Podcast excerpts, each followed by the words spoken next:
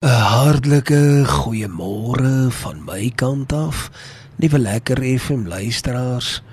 Kies vir jou plek vir môre. Gaan daar na jou gunsteling plekkie toe daar in jou huis of net daar waar jy kan stil word. Dalk is daar by jou lapa waar ook al dit mag wees.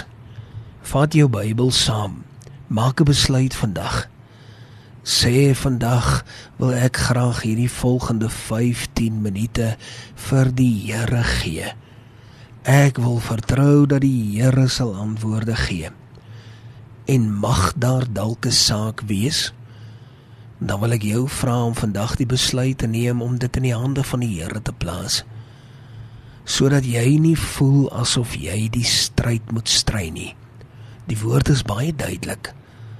Die woord van die Here sê dat die Here sal jou stryd voer. Jy hoef nie. Die bes, die stryd behoort aan die Here. Dit is wat die woord van die Here by implikasie vir my en vir jou sê. Wat 'n voorreg. Wat 'n goddelike voorreg om te weet dat die Here daar is. Vertrou vandag volkome. En ek het so lekker gister gepraat met ons lekker FM luisteraars en spesifiek ook daaruit die tweede brief aan Timoteus van die apostel Paulus daar in die 4de hoofstuk vers 18 en die Here sal my verlos. Die Here sal my verlos van elke bose werk en die Here red my. Die Here red my in elke opsig. Die Here besluit ook vandag om vir jou te red. Waar jy ook al mag wees, wat jy ook al mag doen, die Here red jou. En dit is 'n wonderlike gedagte. Liewe lekker FM luisteraar, ongeag die die struikelblokke en die uitdagings. En ek weet jy sê dalk vandag vir my, jy sal nie die begin van my uitdagings verstaan nie. Ek het soveel moeilikheid, jy sal dit nie eers glo nie. Ek wil vir jou sê die Here ken dit. En dalk is dit so dat ek dit nie ken nie, maar die Here ken dit. En die Here kan die verandering bring, die Here sal. Want hy is alomteenwoordig, hy is alwetend, hy is die begin, hy is die einde. Koning bovenal is hy. Hy kan die verskil maak. Ek wil jou vra om vanmôre jou Bybel in jou hande te neem en, en ons gaan saam uit die woord van die Here uit lees, spesifiek uit die boek van Psalms uit. Ek wil baie graag vir jou 'n sekere Psalm lees en ons praat nog al die tyd rondom die gedagte van die Here se beskerming. En môre sal dit nou na einde toe kom. Maar ek het gevoel ek wil graag die Here die eer gee as gevolg van sy hand van bewaking. Hoeveel maal het jy nie al op 'n plek gekom waar jy heeltemal heeltemal in gedagte was en iets ongenaakbaar roekeloos aangevang het en die Here het jou bewaar. Dit moes al 'n paar keer gebeur het. Ek onthou spesifiek daar was 'n dag wat ek op 'n sekere stopstraat afgery het en net in gedagte ek het seker teen 80 km/h uur reg oor 'n twee-rigting stopstraat gery. Wat 'n geweldige, geweldige noodlottige ongeluk kon dit nie gewees het nie. Maar die Here, dit is hy wat behoed en bewaar het. Vat jou Bybel en ons gaan hierdie een vers saam lees, Psalm 34 vers 23. En hoor mooi wat sê die Here hier. Die Here verlos die siel van sy knegte. En almal wat by hom skuil, hoef nie te boet nie. Almal wat by hom skuil, hoef nie te boet nie. Die Here verlos die siel van die knegte, van sy knegte. En almal wat by hom skuil, hoef nie te boet nie. Kom ons sit net so. Dan sluit ons die oë, dan bid ons saam. Hemelse Vader, U woord is vanaand kragtig. U woord kom verander ons. U woord kom op 'n wyse wat ons dit nie eens verwag nie, Here. En dan kom U en U kom verander die gedagtegang van elkeen wat luister. Here, ek wil vra dat U op 'n kosbare manier die harte van elkeen wat luister kom aanraak. Elkeen wat U woord vanmôre wil hoor, wat die draadloos aangesit het, wat ingeskakel het op 98.3, kom seën hulle. Seën hulle met die woord in Jesus naam. Amen. En amen. Liewe lekker FM luisteraars, so kosbaar. Hierdie woord is so uniek.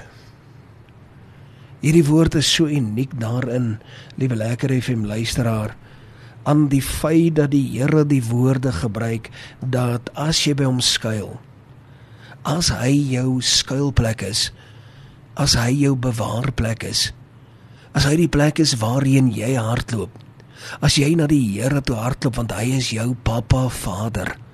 As jy besluit maak om eers na hom toe te gaan en en en en aan sy voete te gaan neerval en hom vasgryp en hom alleen eers te vertrou, dan sê die Here hier uit sy woord uit dat jy dan nie hoef te boet nie. Wat 'n wonderlike gedagte, belofte is dit nie. Ek wil vandag vir jou sê hou vas aan die Here se beloftes. Die Here gee nie verniet beloftes nie. Hou vas aan die Here se beloftes. Dit wat die Here vir jou beloof, dis die moeite werd om daaraan vas te klou, om vas te hou, om vas te gryp, om jou vingers daarin vas te slaan jou naels vas te slaan. Sê, Here, ek vertrou as U sê dat ek nie sal boet nie en ek het na U toe gehardloop. Here, dan verlos U mos my siel. Moenie eers na enige ander een toe hardloop nie, na ander uitwee toe hardloop nie, na iets anders toe nie. Wees net absoluut suiwer 100% lojaal aan die Here. Want dan sal jy die verlossing kry. Net soos wat dit hier sê in Psalm 62:3, hy alleen is my rots. Hy alleen. Hy alleen is my rots. Liewe lekker FM luisteraar, dit is die geheim wat ek en jy moet verstaan. Ons dien 'n jaloerse God. Ons dien 'n God wat al ons eer, al ons aanbidding en al ons prys wil hê. En jy en ek sal nooit maar ooit verkeerd gaan om die Here die eer en die aanbidding te gee nie, om sy naam groot te maak nie. En wat beteken dit? Wat beteken dit as ek vanmôre sê om die Here se naam groot te maak? Kom ek vra jou so 'n vraag is dit moontlik om die Here groter te maak as wat hy is? Is dit moontlik om die Here groter te maak? Nee, dit is nie. Want die Here is so groot soos hy is. Hy is alom. Hy is so groot soos wat hy nog altyd van die begin af was. Maar wanneer jy die Here se naam groot maak, jy persoonlik dan strek die Here se hand binne in jou lewe al hoe groter en groter en groter. Wanneer jy sy naam groot maak, wat sê Psalm 62 vers 3? Hy alleen is my rots en hy is my heil. Beteken hy is jou toevlug. Daar's nie 'n ander plek nie. Dis die Here. Hy is my rotsvesting sê die woord hier en ek sal nie grootliks wankel nie. Ek sal nie struikel nie. Hoekom nie? Want die Here kyk na my en hy het nog altyd daar is geen onduidelikheid rondom dit nie. Die Here kyk uit na my en na jou. Hy was nog altyd getrou. Hy sal dit weer wees. Hier in 2 Samuel 22:21 die weg van God is volmaak.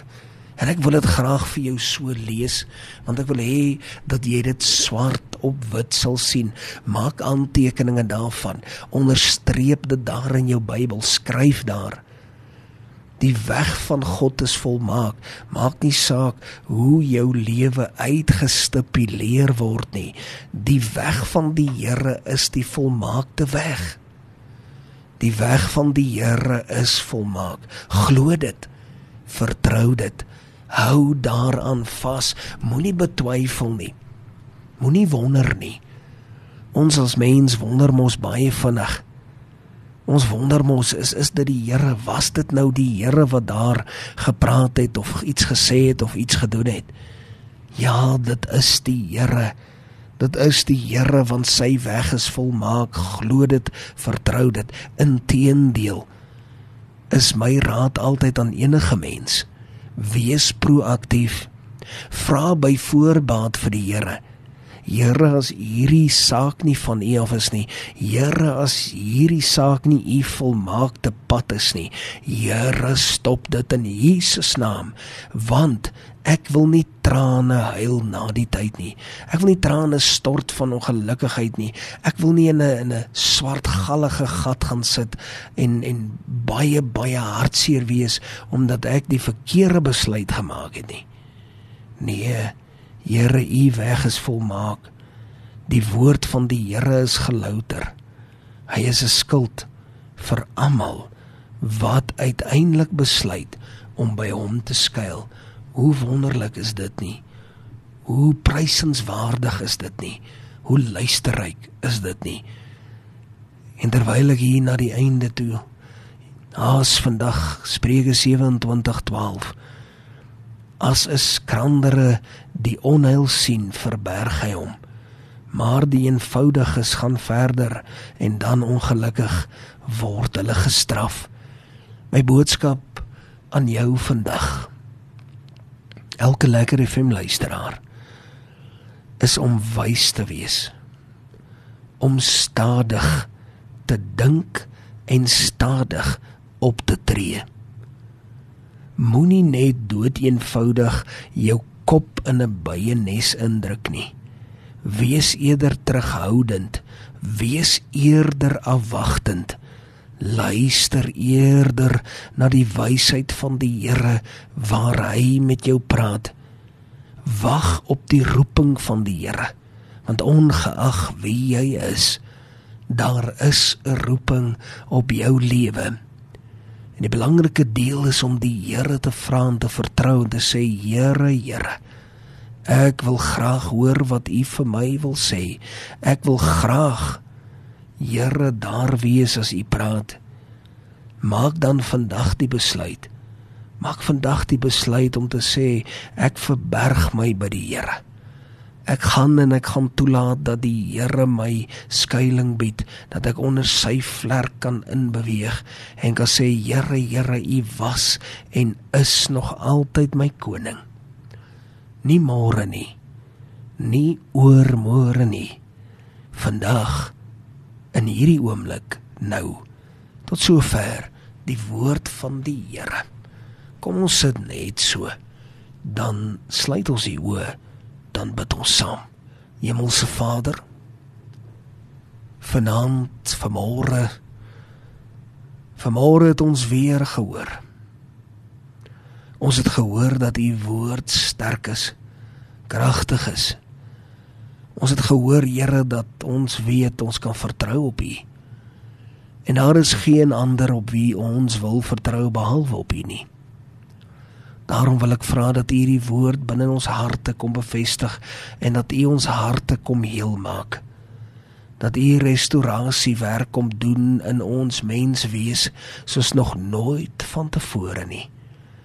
Here, ons staan vas op U woord. Ons staan vas op U weë. Kom leer ons, Here. Kom hou ons vas, kom lei ons by die hand. Here, dit is ons gebed.